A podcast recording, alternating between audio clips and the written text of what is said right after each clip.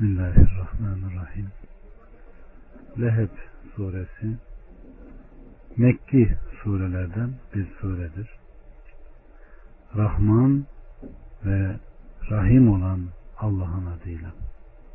Birden beşe kadar. İki eli kurusun. Ebu Leheb'in ve yok olsun malı ve kazandığı ona fayda vermedi. Alevli ateşe girecektir.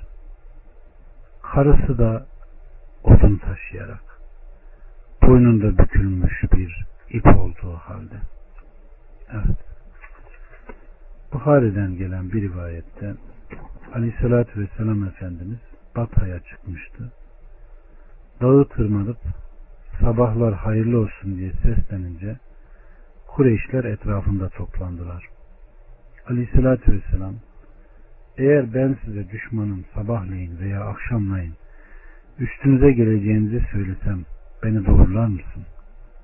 Onlar evet dediler. Bunun üzerine Aleyhisselatü Vesselam dedi ki ben size şiddetli bir azaba karşı uyarıcıyım. Ebu Leheb dedi ki sizi bunun için mi topladım?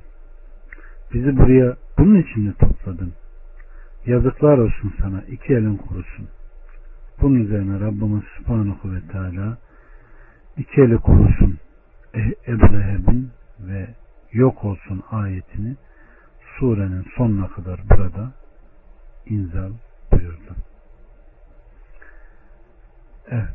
Hakikaten de Ebu Leheb'in hem dünyada malı, mülkü hiçbir şeyi kendisine fayda vermedi. Kurudu, imansız gitti.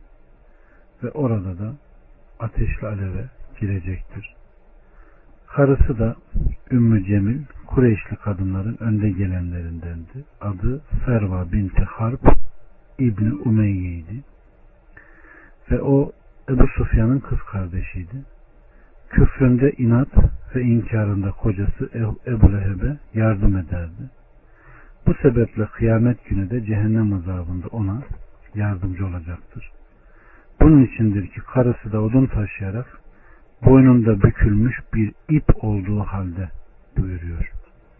Daha çok yanması için odun taşıyıp kocasının üstüne atacak.